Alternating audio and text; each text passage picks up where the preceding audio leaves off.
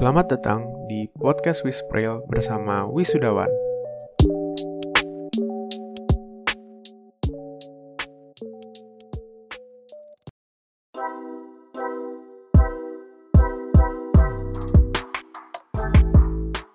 Halo teman-teman semua, selamat datang di podcast Wispril HMS TB 2021. Wis.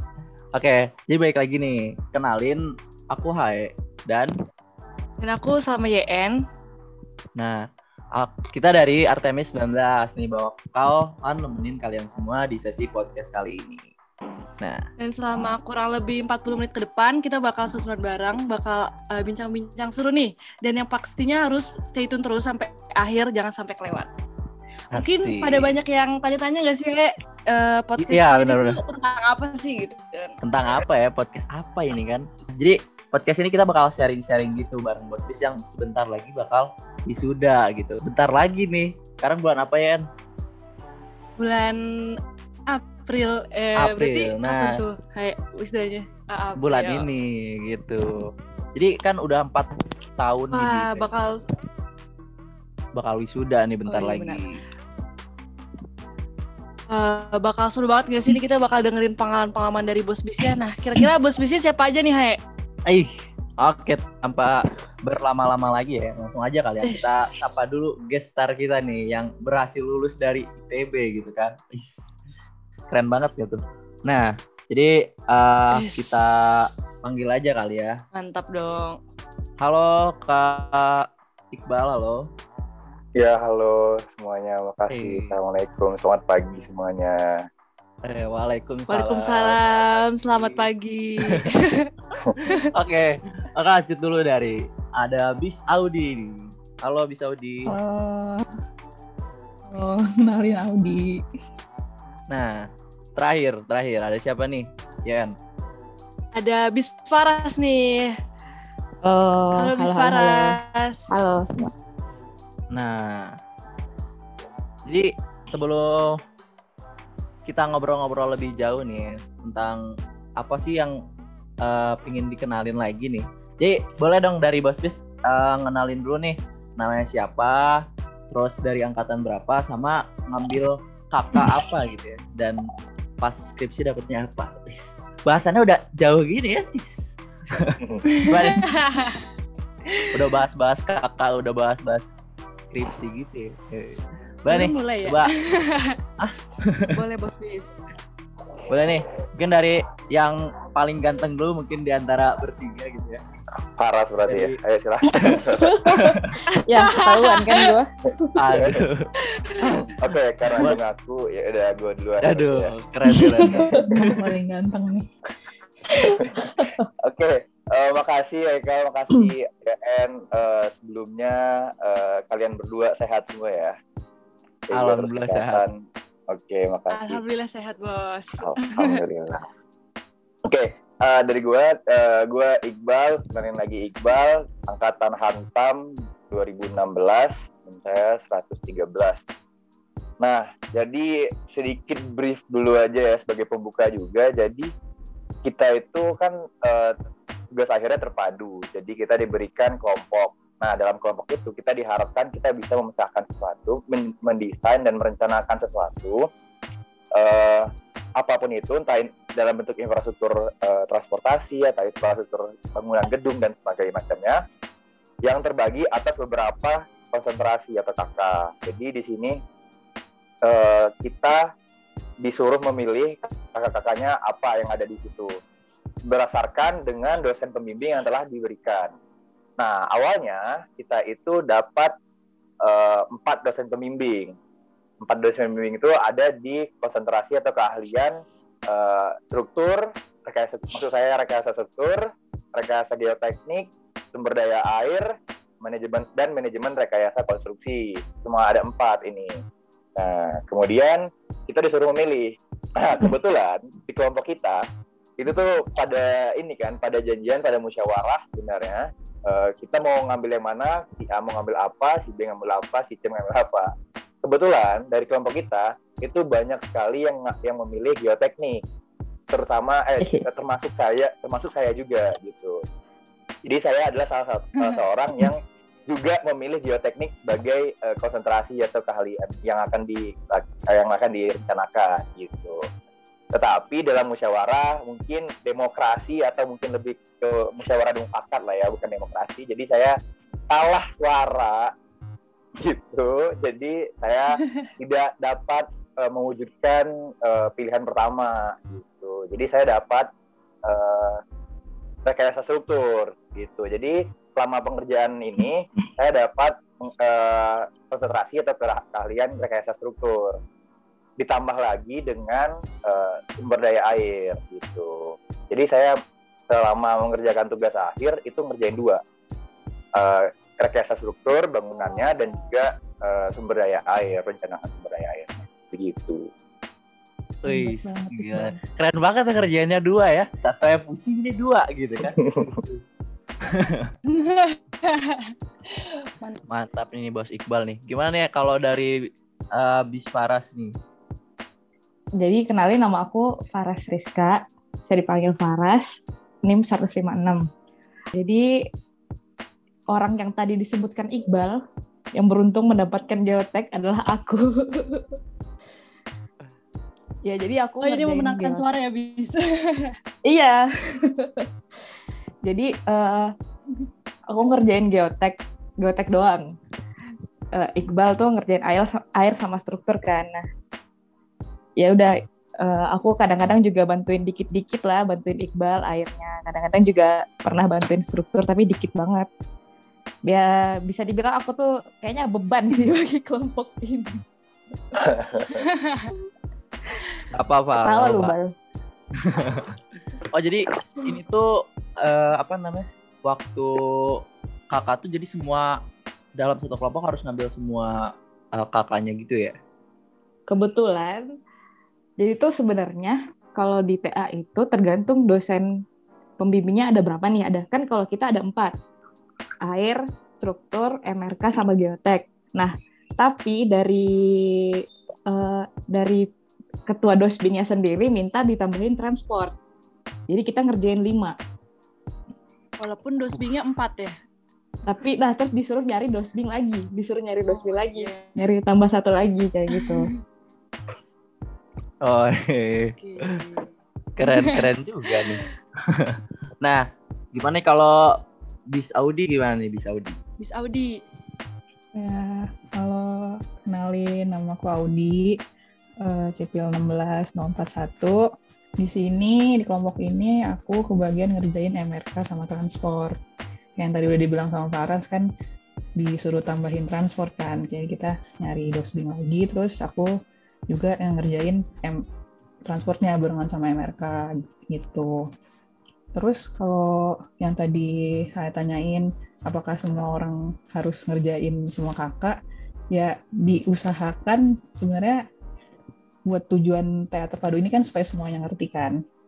Semuanya ngerti semua kakak tapi kayak dalam keberjalanannya ya pastinya kita fokus ke punya masing-masing dong. Tapi kayak ya diusahakan ngerti-ngerti juga coba bantu-bantuin dikit walaupun Iya. cuma dikit banget sih bantuinnya Walaupun se- sebatas bantu doa juga itu termasuk bantu ya.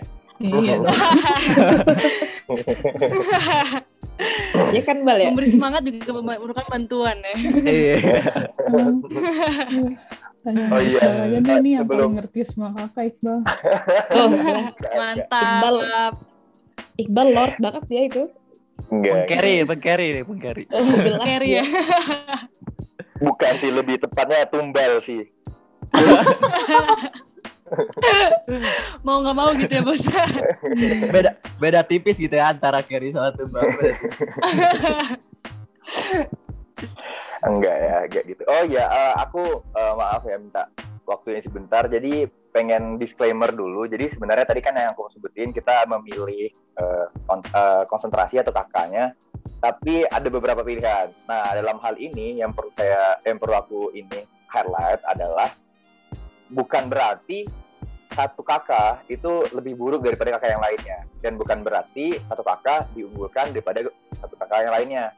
Jadi di sini tuh kita seperti yang dibilang Audi tadi, eh, kita tuh diharapkan sebagai insinyur teknik sipil kita bisa men- eh, memecahkan atau mendesain masalah itu eh, berdasarkan semua konsentrasi yang telah kita pelajari selama kuliah gitu. Jadi semuanya nih. Nah, kembalikan ha, caranya itu dikembalikan lagi kepada kelompoknya gitu. Kebetulan kelompok kita supaya dapat memanajemen waktu dan memanajemen uh, permasalahan, kita membagi tanggung jawab, bukan tanggung jawab ya, kita membagi porsi ke, uh, kegiatan, uh, porsi tugas kita berdasarkan konsentrasi. Kebetulan beberapa orang itu punya minat tertentu di titik-titik tertentu gitu. Tapi bukan berarti satu kakak itu tidak diunggulkan dibandingkan kok yang lainnya. Ini cuma sebagai strategi doang. Hmm. Anjay. Ada kok teman-teman juga, kelompok-kelompok lain juga itu semuanya mengerjakan semua kakak juga ada gitu dibagi-bagi semuanya. Jadi semua orang merasakan struktur, semua orang merasakan sumber daya air, semua orang merasakan biotek dan sebagainya macamnya. Gitu. Oh, jadi bebas gitu ya, dikembaliin ke masing-masing kelompok gitu. Betul. Betul. Berarti jatuhnya kayak kita mau nggak mau harus bisa semua kakak gitu ya. Setidaknya bisa lah gitu ya. Iya. Iya dong. Nanti di sidangnya sama semuanya juga. Ya Oh, ditanyainnya gitu. juga yang bukan yang kita kerjain. Hmm, benar. Nah, lanjut Oke nih ya. Bos Bis, kan tadi udah apa sudah berbicara mengenai TA gitu kan, mengenai sidang. Nah, kira-kira nih setelah melewati fase-fase itu, setelah melewati fase-fase perkuliahan TA itu kan pasti wisuda nih ya. Nah, rasanya nih gimana nih Bos Bis? Lega pastinya lega ya Bos Bis. Kemudian senang lah pastinya. Kemudian atau mungkin ada yang merasa ah bakal kangen nih sama kehidupan kampus gitu. Gimana nih Bos Bis perasaannya? Mungkin dari Bos Iqbal dulu nih. Ya. Oke, em, gimana ya? Oh, ini kan kita berbicara tentang wisuda ya. Jadi wisuda ini akan dilaksanakan beberapa hari lagi, tepatnya di 10 April 2021. Kebetulan kelompok kami itu tuh sudah melaksanakan tugas akhir kita, sudah melakukan eh, sidang skripsi itu sejak tanggal 1 Oktober 2020. Gitu. Jadi udah banyak waktu yang terlewati. Nah, untuk kalau kita ngomongin eh, gimana rasanya, terus terang hype-nya itu tuh kita merasakan dua kali hype. Hype sidang akhir dan hype wisuda gitu. Si hype sidang akhir ini itu ada di akhir di bulan Oktober dulu di saat teman-teman yang lain juga teman-teman yang lulus di wisuda Oktober itu ngerasakan senangnya juga di wisuda, senangnya juga selesai tugas akhir, senangnya juga eh, melepas eh, apa embel-embel sebagai mahasiswa gitu. Nah kita juga merasakan hal itu pada saat itu. Nah untuk kalau ngomongin wisuda, wisuda yang ada 10 April ini juga sebenarnya tidak kalah menarik karena wisuda ini tuh eh, juga menjadi hal yang dinanti-nanti kan sebenarnya kan. Ya sangat sangat senang lah sebenarnya. Lega, ya lega juga, tapi eh, dicampur aduk dengan senang juga, dicampur aduk sama sedih juga karena bakal ninggalin teman-teman karena udah lama juga nih. Nah, juga ada nih yang terharunya juga ada ternyata momen di mana aku sama kelompok-kelompok aku sama teman-teman yang lainnya bisa ngumpul lagi, bisa ngobrol lagi, main lagi gitu di TB eh, di di Bandung. Disatukan dengan momen mau wisuda ini. Walaupun cuma momen ngambil toga, foto-foto doang, tapi seneng banget lah. berharga banget. Iya, pastinya. Kalau dari Bis Audi gimana perasaannya nih Bis Audi? Eh, kalau dari aku pribadi yang pasti senang banget sih. Eh, terus kayak kata Iqbal juga, ini kita sidangnya udah cukup lama sih, jadi kayak hype-nya sebenarnya senangnya udah dari lama juga kan. Tapi eh, semakin deket ke wisuda tuh makin eh, naik lagi hype-nya kayak ah beneran nih udah official ini akhirnya bentar lagi. Itu terus kayak ya namanya kuliah 4 tahun di ITB kan kayak udah selesai tuh lega banget sih pasti kayak udah bersusah-susah di ITB kayak ah, beneran ngerjain teh nangis-nangis kan. Jadi kayak seneng banget Itu literally nangis nangis Bener-bener ya, kayak- ya, nih. lega banget sih kayak abis sidang tuh selega itu. Tapi kalau sedihnya paling kayak karena kita ngerjain TA dari pandemi ini kan benar-benar mulai TA tuh pas awal pandemi kan jadi kayak kurang kerasa gitu ya harusnya tuh kita bisa ngerjain TA menghabiskan akhir-akhir masa-masa di sipil tuh bareng teman-teman tapi ternyata nggak bisa kayak gitu sih sedihnya Wih, bener ya kayak ngerjain TA tuh nangis-nangis tuh ternyata bener ya Ian ya itu. ya. Iya. Aduh. Siapa tahu nanti kalau bisa udah offline gitu kan tadi kan sayangnya kan online gitu. Siapa tahu kalau offline mau TA lagi kan siapa tahu. Gitu. Enggak, makasih. Nah, Mungkin biar lu aja, Hai. eh, kalau bis Paras gimana bis Paras? Eh, sebenarnya sama aja sih sama jawabannya sama teman-teman yang lain ya ya senangnya ada sedihnya ada ya senangnya ya senang aja eh, apa ya eh, akhirnya perjuangan bersusah-susah di IPB terselesaikan juga gitu. Habis itu kalau sedihnya itu ya itu tadi pisah sama teman-teman Eh, tidak lagi melakukan rutinitas seperti biasanya kayak eh, ke kampus gitu-gitu kan ngobrol sama teman kayak gitu-gitu. Terus eh, sedih juga nih kita wisudanya nggak dirayain kayak yang dulu-dulu kayak diarak kayak gitu-gitu datengin orang tua ke Sabuga foto-foto di Sabuga kayak gitu-gitu salaman sama rektor ya sekarang udah nggak bisa tapi untungnya kan ada panitia Wispril yang bisa membantu kita untuk merayakan wisuda ini bersama. Yuhu. Aduh. jadi terharu ini. nah, eh, kan kira-kira tadi kan Bosis sudah melewati tahap-tahap yang sama 4 tahun nih. Kan di ITB tuh susah banget keluarnya gitu ya.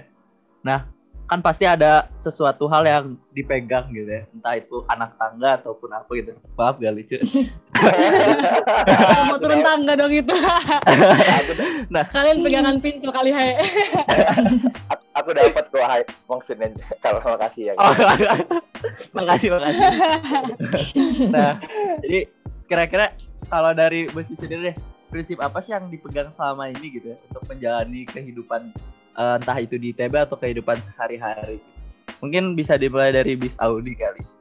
Eh, sebenarnya kalau yang selama aku di ITB mencoba berbagai macam hal sih kayak eh, selama di ITB atau HMS khususnya mungkin eh, banyak banget kan hal-hal entah itu organisasi ataupun akademik dan lain-lain pokoknya selagi kita lagi menjadi mahasiswa gitu kayak ya mencoba berbagai macam hal sih jangan walaupun emang ada hal-hal yang masih belum aku sempet lakuin selama di ITB tapi kayak ya selama di ITB aku mencoba untuk mencoba aja jangan takut mencoba gitu sih Mantap banget, jangan takut untuk mencoba. Kalau dari Bos Iqbal gimana nih tadi?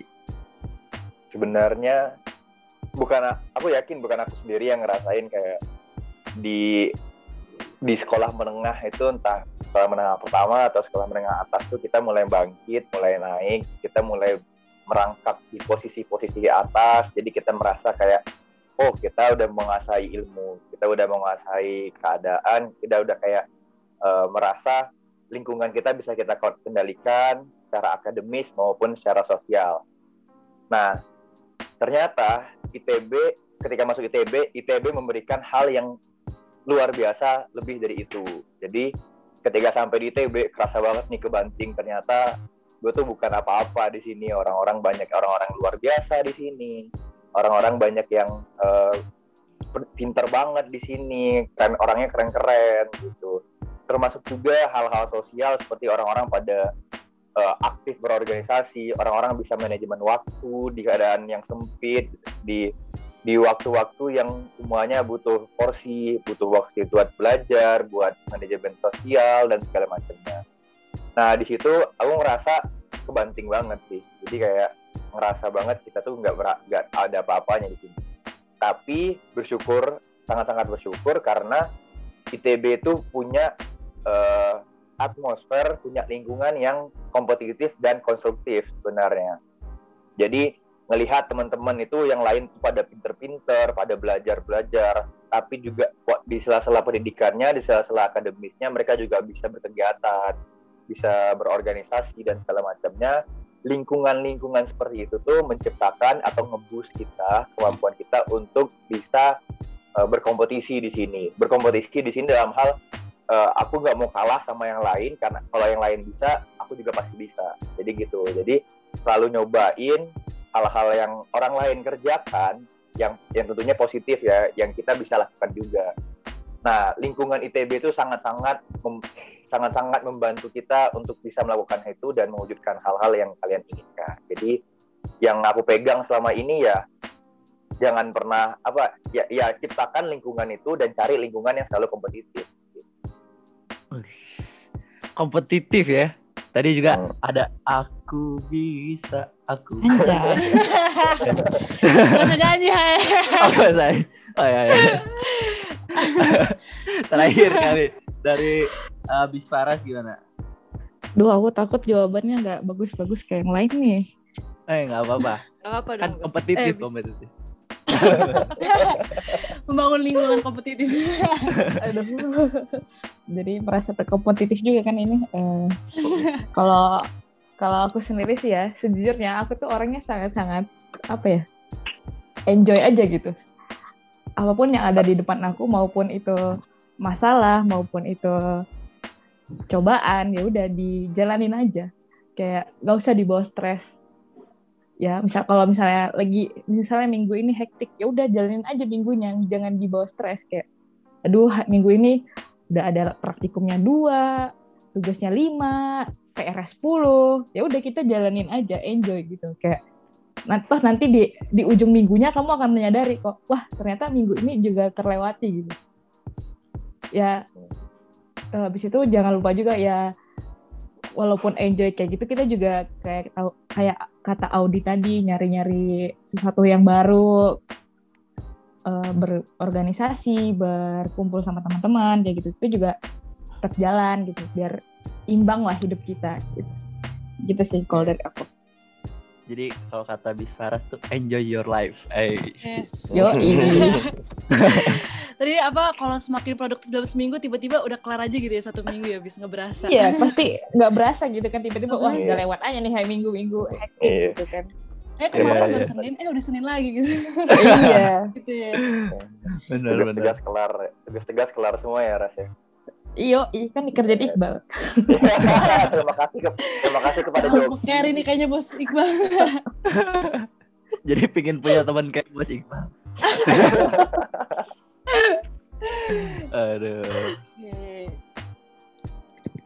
Kan tadi udah uh, bahas mengenai prinsip nih dan juga udah ngebahas mengenai perasaan wisuda. Nah selanjutnya nih kira-kira plan dari bos bisnis setelah wisuda nih mau ngapain? Entah mau mungkin langsung kerja atau S2 dulu atau mau liburan dulu nih nikmatin selesai kuliah gitu gimana nih bos bis? Mungkin Atau dari mau bis- langsung nikah juga boleh. Oh mau nikah boleh. Itu kayaknya lu ya He. Aduh. Gimana? Mungkin dari bis Faras nih gimana bis? eh sebenarnya tuh ah, kehidupan pas ke kuliah kita bertiga tuh udah kelar dari Oktober ya. Jadi eh, kalau dari aku sendiri tuh kemarin dari Oktober ya mulai-mulai cari kerja gitu sih kalau aku. Sekarang juga masih kerja ya gitu-gitu. Terus eh, rencananya kalau misalnya ada kesempatan, ada duitnya juga, ada ya itulah ada ridho dari Allah rencananya juga mau S2 gitu. Insya Allah. Amin, amin. Amin. Kalau dari bis Audi gimana nih? Plan ke depannya mau gimana nih bis? Iya sih kata Faras kan kita udah lama selesainya. Jadi emang awalnya plannya pasti liburan dulu kan. Menangin diri dulu Bener sih. segala macam. Nikmatin dulu gitu ya bis. Heeh. Udah lewat kan lumayan beberapa bulan tuh udah liburan atau istirahat dulu lah. Nah, setelah itu eh, rencananya emang mau kerja dulu sih kalau aku. Kalau mungkin nanti ada S2 segala macam itu masih belum direncanakan dalam waktu dekat sih. Jadi untuk rencananya sekarang masih mau mencari kerja dulu. Masih kerja dulu aja. Hmm. Oke oke. Kalau dari Bos Iqbal nih gimana nih Bos Iqbal? Oh, Dia udah Oke. banyak plan gini nih Bos Iqbal. cicilan rumah, cicilan enggak ding. Oh, kalau Iqbal mah cicilan buat ini, buat nikah dia itu. Oh, Eh. sudah di plan ya bos. Ada di plan ini. Eh, jadi ham eh, kita kan kayak kita yang kayak kita udah bilang tadi juga kita tuh udah mulai udah selesai ya benar kata Waras benar kita kegiatan pasca kampusnya itu sebenarnya udah kelar dari bulan Oktober. Jadi kayak Oktober mulai dari Oktober tuh udah udah nggak ada lagi yang berkaitan sama akademis kampus. Udah ada ada lagi berkaitan dengan eh, S1 kecuali dengan ya persyaratan. Kita nyiapin berkas menyelesaikan masalah-masalah gitu ya. Jadi eh, paling ya cuma hal-hal yang yang minor lah gitu. Nah di sela-sela itu aku juga ada sempat coba liburan dulu. Jadi bener-bener setelah setelah setelah apa namanya setelah sidang akhir itu bener-bener kok ngosongin waktu buat istirahat, buat waktu eh, cari waktu buat keluarga bareng-bareng istirahat dulu kayak gitu beberapa minggu. Kemudian aku juga ada sempat kerja juga. Nah, terus nanti kita aku juga udah tapi aku udah eh, nggak ngelanjutin kerjaan karena memang berniat atau berkomit ya berniat untuk lanjut sekolah lagi gitu. Jadi sekarang kondisinya lagi apa namanya lagi nyiapin siapin diri siapin berkas siapin uang juga buat eh, coba kuliah lagi sekarang. Itu paling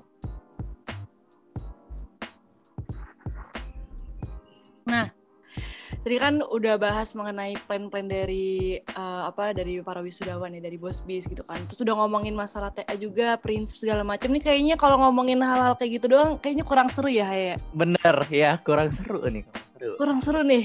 Jadi Kayak ada yang seru nih. apa tuh, Hai? Nah, jadi dengar-dengar nih ya, dengar-dengar nih. Ini mungkin aku dengar-dengar aja ya dari nih bos Dari mana Iqbal nih nih kata. Katanya bos Iqbal tuh kalau galau langsung naik gunung. Oh iya, benar gak tuh? Benar gak tuh? Kalau galau Gimana tuh, Bos? Gimana tuh bos? enggak enggak selalu sih Oh nggak Eh. tahu. oh, gak selalu. jadi eh, gimana ya jadi setiap orang pasti punya hobi setiap orang pasti punya caranya sendiri buat eh, buat relax buat enjoy eh, waktunya enjoy eh, diri dia sendiri bagaimana mereka menikmati hidupnya menikmati waktu hidup eh, waktunya supaya lepas dari penat supaya lepas dari eh, hiruk pikuk eh, apa rutinitas kayak gitu kan jadi memang kebetulan aku tuh punya hobi buat exploring alam gitu. Jadi aku aku suka banget buat eh, pergi naik gunung mana gitu atau nggak sekedar gunung mungkin jalan-jalan ke pantai mana atau eh, ke daerah-daerah hutan mana kayak gitu. Dan memang kebetulan karena Bandung geografisnya pegunungan, jadi selama di Bandung itu banyakannya ke gunung mainnya gitu. Jadi ya bukan nggak setiap galau sih. Jadi kayak kalau misalnya lagi penat, kalau lagi capek gitu ya kayak cari aja ajakin teman-teman eh ada ya weekend ini mau ke sini nggak kita main aja yuk main aja kayak berangkat berangkat langsung impulsif langsung pulang istirahat nanti hari Senin mulai lagi rutinitasnya udah seger lagi udah boost lagi moodnya gitu Ih, seru banget ya. Ntar siapa tahu nanti kalau Bisparas Audi naik gunung juga ketemu Bos Iqbal, tanyain lagi galau enggak gitu. Iya. bener bener bener Lah Iqbal udah happy sekarang. Iya Ih, jelas. alhamdulillah No galau-galau lagi ya. Ini kan udah udah mau sudah Oh iya Oh, bener. Happy, happy dong ya harusnya, Bos. Bener. Bisa Loh, aja nih kirain- ngelesnya nih Bos Iqbal. Oke, nah kalau selanjutnya nih aku dengar-dengar tentang Bos Bisfaras nih. Nah, katanya Bisfaras ini aduh, deg-degan ya, Bis. Nyerita. Gak usah takut, Bis. Kalau takut pegangan aja. Katanya nih Bisfaras ini suka foto-foto objek gak jelas tapi aslinya bagus nih. Waduh, gimana nih, Bis? Ceritanya nih. Aduh, jadi malu kan. Eh. foto-foto objek gak jelas tuh gimana tuh, Bis, kira-kira? Nggak jelas itu sebenarnya menurutku yang nggak jelas bagi orang jelas ya. Apa ya? Mungkin yang dia maksud kayak aku kadang-kadang suka moto-motoin eh, barang-barang kayak misalnya aku motoin sepatuku sendiri kayak gitu-gitu kali ya gak ngerti juga maksud itu tuh apa sebenarnya gak jelas padahal sesuatu itu tuh Oh. kalau dilihat-lihat dari segi ses, dari lihat dari sisi yang lain tuh mungkin dia bisa menimbulkan sesuatu yang wow gitu menurutku Sejak sesuatu itu pasti ada maknanya gitu ya, Bis. Eh, iya jelas Kirain ya kan foto gak jelas tuh foto YN gitu. Lu kayaknya deh. Hai. Eh, kira-kira objek favoritnya Bis Faras nih apa nih kalau buat di foto-foto Bis? Eh, sebenarnya aku kalau ngefoto tuh suka ngefotoin orang motoin orang tapi orangnya lagi tahu candid gitu gitu iya kayak Oh. gitu terus aku juga suka fotoin ya biasalah orang-orang ini senja-senja gitu eh. Anak senja berarti Bis Faras. difotoin. Mungkin nanti kalau Hai lagi beli bakso tuh kan bisa tuh kan. sore sore. Sore-sore. Nah, kalau dari bis Audi nih, wih, penasaran ya bis Audi. Nih Lucu kata nih Bis Audi. katanya nih katanya, nggak tahu bener apa nggak. Kata tuh bis Audi tuh orangnya kalem banget, kayak hidupnya tuh nggak punya beban gitu. Jadi kata, kalau kata orang tuh hidup seperti Audi gitu, ngomongnya gitu. Iya. Siapa tuh yang ngomong? Aku aja yang ngomong. Gimana nih kalau kat- bis Audi, bener gak tuh? Eh, kalau nggak punya masalah sih, ya pasti semua orang punya masalah kan ya, beban segala macem. Cuma mungkin emang dilihat sama orang-orang ya, aku kalem-kalem aja gitu, tenang-tenang aja. Karena aku emang orangnya mungkin kalau ada eh, masalah atau kayak lagi hektik kehidupannya jadi kayak santai-santai aja. Emang emang bawaannya kayak gitu gitu. jadi eh, bukannya nggak ada beban sih. Mungkin emang Oh. kayak gitu aja orangnya. Jadi Gitu. kelihatan kalem banget gitu ya. Udah udah dari sana nggak bisa digimana gimana lagi ya bisa. Ya kan tadi udah jelasin juga ya tentang ya kehidupan di kampus gimana, terus bahas TA, terus bahas juga tadi tentang mungkin bisa dibilang fun fact fun fact dari para bos bis kita. Nah kan udah dibahas segalanya gitu kan pasti dalam hidup tuh pasti ada di mana kita di atas, di mana kita di bawah gitu ya. Nah, Oke. Eh bener gak? Kayak roda tuh berputar gitu. Nah jadi kalau misalnya dari bos bis sendiri nih selama kurang lebih empat tahun nih, eh itu ada nggak sih momen yang paling menurut bos bis itu paling terpuruk yang pernah eh, bos bis alamin gitu eh, selama di TB? Terus gimana secara bos bis buat nge-overcome eh, hal itu gitu? Mungkin bisa dari bis Faras dulu kali. Waduh Aduh. Belum disiapin ya Bis. iya nih Eh, titik terendah ya Bisa dibilang begitu. Jadi kalau sejujurnya titik terendahku pas kuliah ini ya pas kerjain TA sih. Aku nggak pernah selama ngerjain ngerjain sesuatu tugas di kampus nggak pernah yang sampai nangis gitu sih nggak pernah kecuali si TA ini.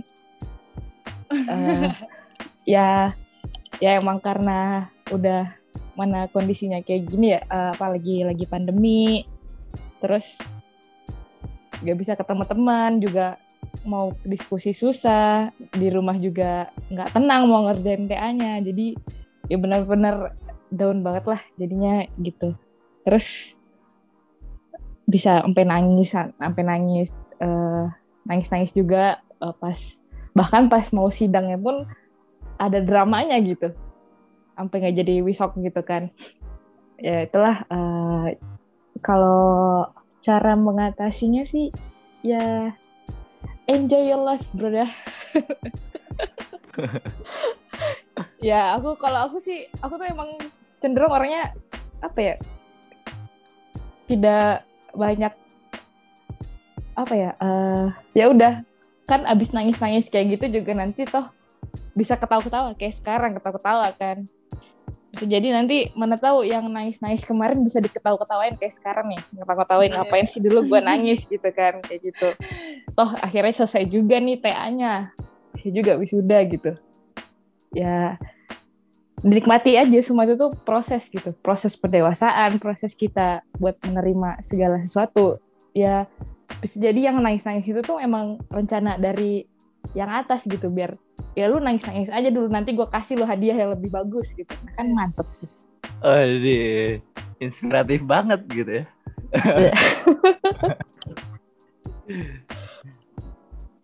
Iya.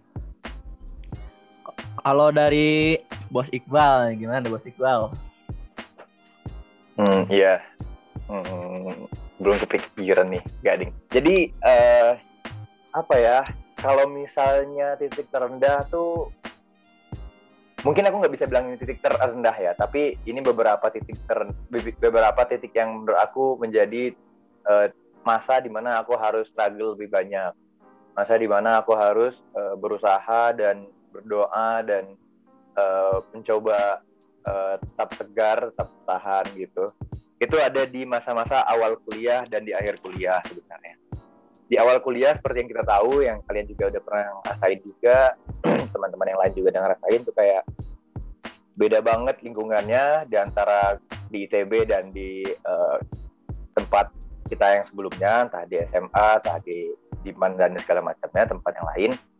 Jadi kita harus banyak-banyak berusaha gitu tambah lagi aku tuh salah seorang yang datang dari daerah yang mana gak ada teman daerahku di sini teman daerah tempat asal gitu. Jadi aku harus mulai dari awal mulai dari nol di mana aku harus coba mencari teman. Awalnya udah harus harus bisa masuk dalam situasi yang baru uh, beradaptasi dengan lingkungan ITB dan lingkungan Bandung yang baru uh, gitu. Dan juga tentunya dengan lingkungan akademisnya yang sangat-sangat berbeda gitu itu menjadi hal titik-titikku yang mana aku harus aku merasa aku rendah banget di situ tapi aku harus struggle gitu ya. Dan juga sama halnya di akhir uh, kuliah itu pas mau ngerjain tugas akhir di saat uh, aku udah punya banyak kegiatan aku juga sempat uh, apa ngikutin beberapa hal gitu ya. Jadi di awal di awal semester 8 itu sempat ikut sempat jadi asisten mata kuliah, asisten praktikum dan juga ngikutin uh, apa ngikutin ikut coba belajar menggali diri lagi buat uh, coba ikut proyekan gitu-gitu. Kemudian ditambah lagi dengan tugas akhir, ditambah lagi dengan rutinitas uh, organisasi yang masih ada gitu.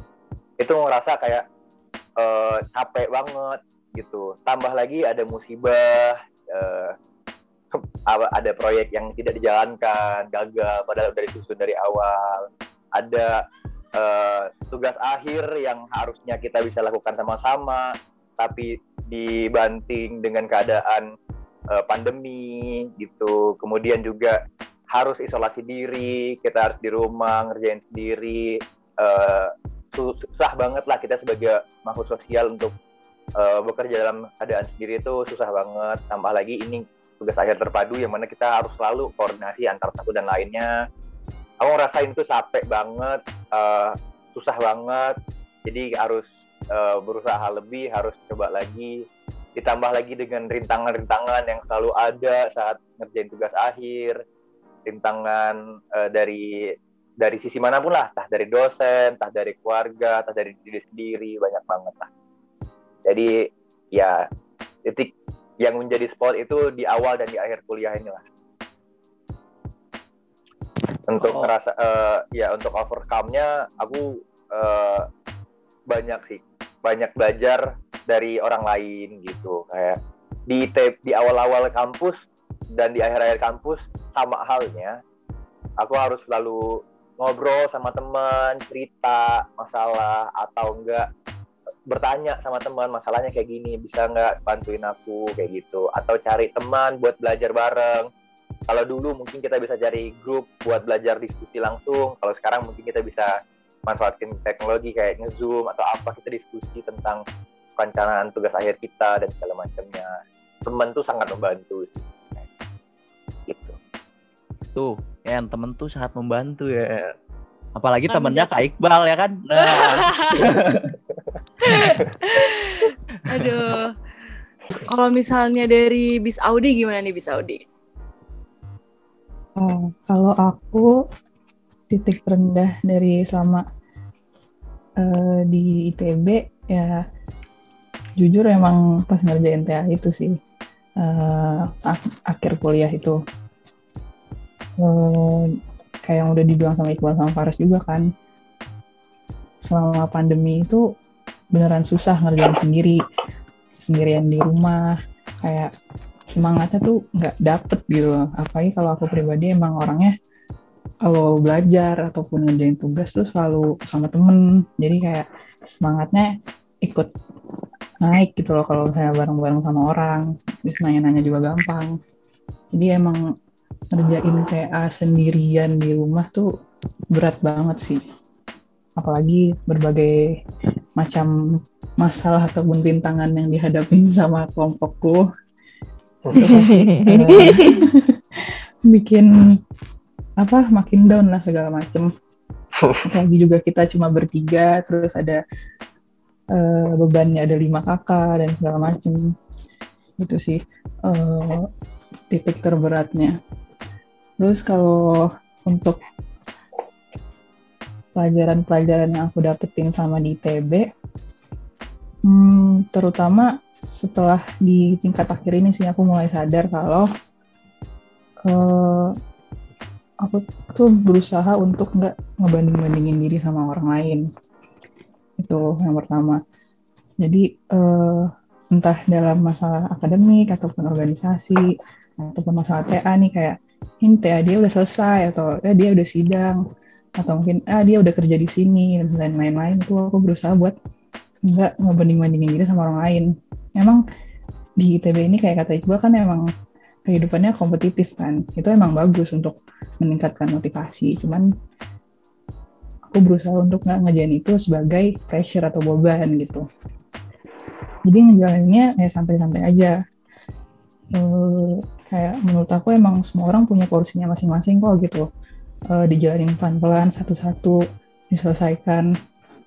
Daripada kita semua apa kayak buru-buru jadi panik-panik sendiri insecure segala macam kan.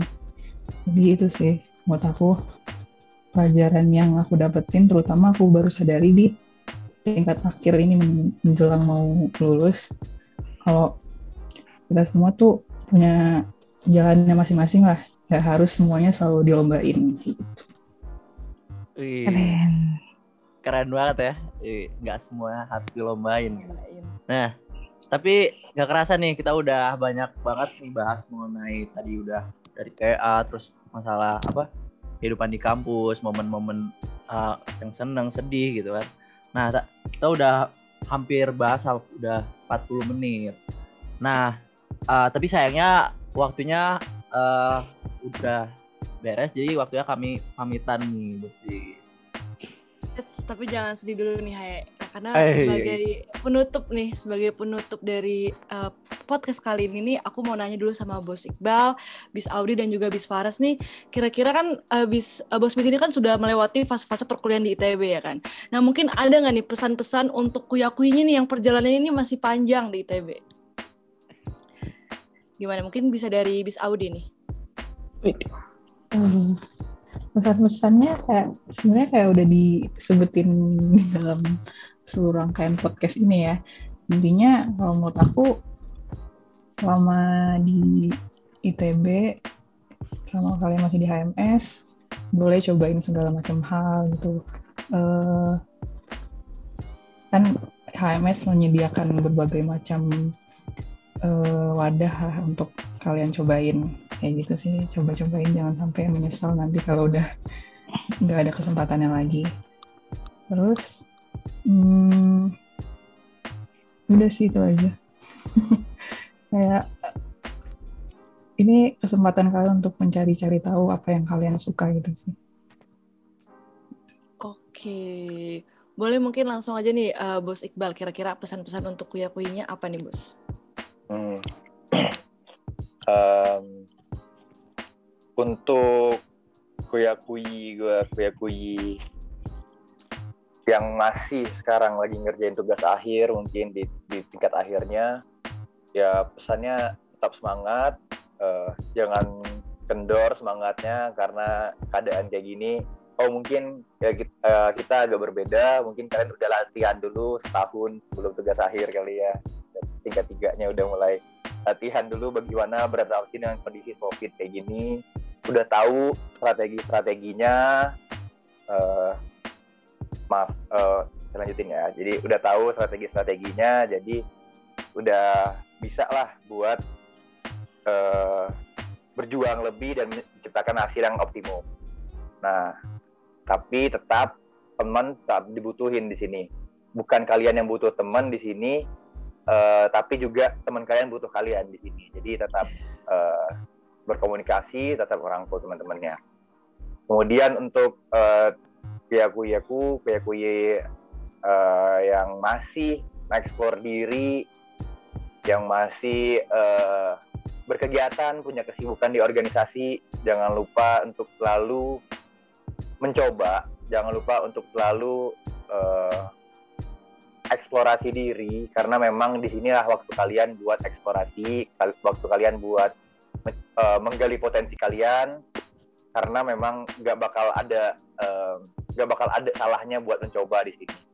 Mungkin memang nggak kerasa secara langsung apalagi kayak kuya kuya Artemis sekarang yang masih eh, baru mencoba kesibukan di himpunan baru mencoba kesibukan di pa- kepanitiaan pusat kepanitiaan atau di organisasi unit gitu. Banyak banget hal-hal yang kalian rasa kok kayak gini ya kayak beda sama orang-orang yang dulu mungkin feedback bagi diri kalian manfaat bagi diri kalian memang memang nggak kerasa secara langsung sih kayak aku nih ngerasa jadi io aku nih ngerasa kayak aku jadi budak aku ngerasa jadi kayak babu gitu.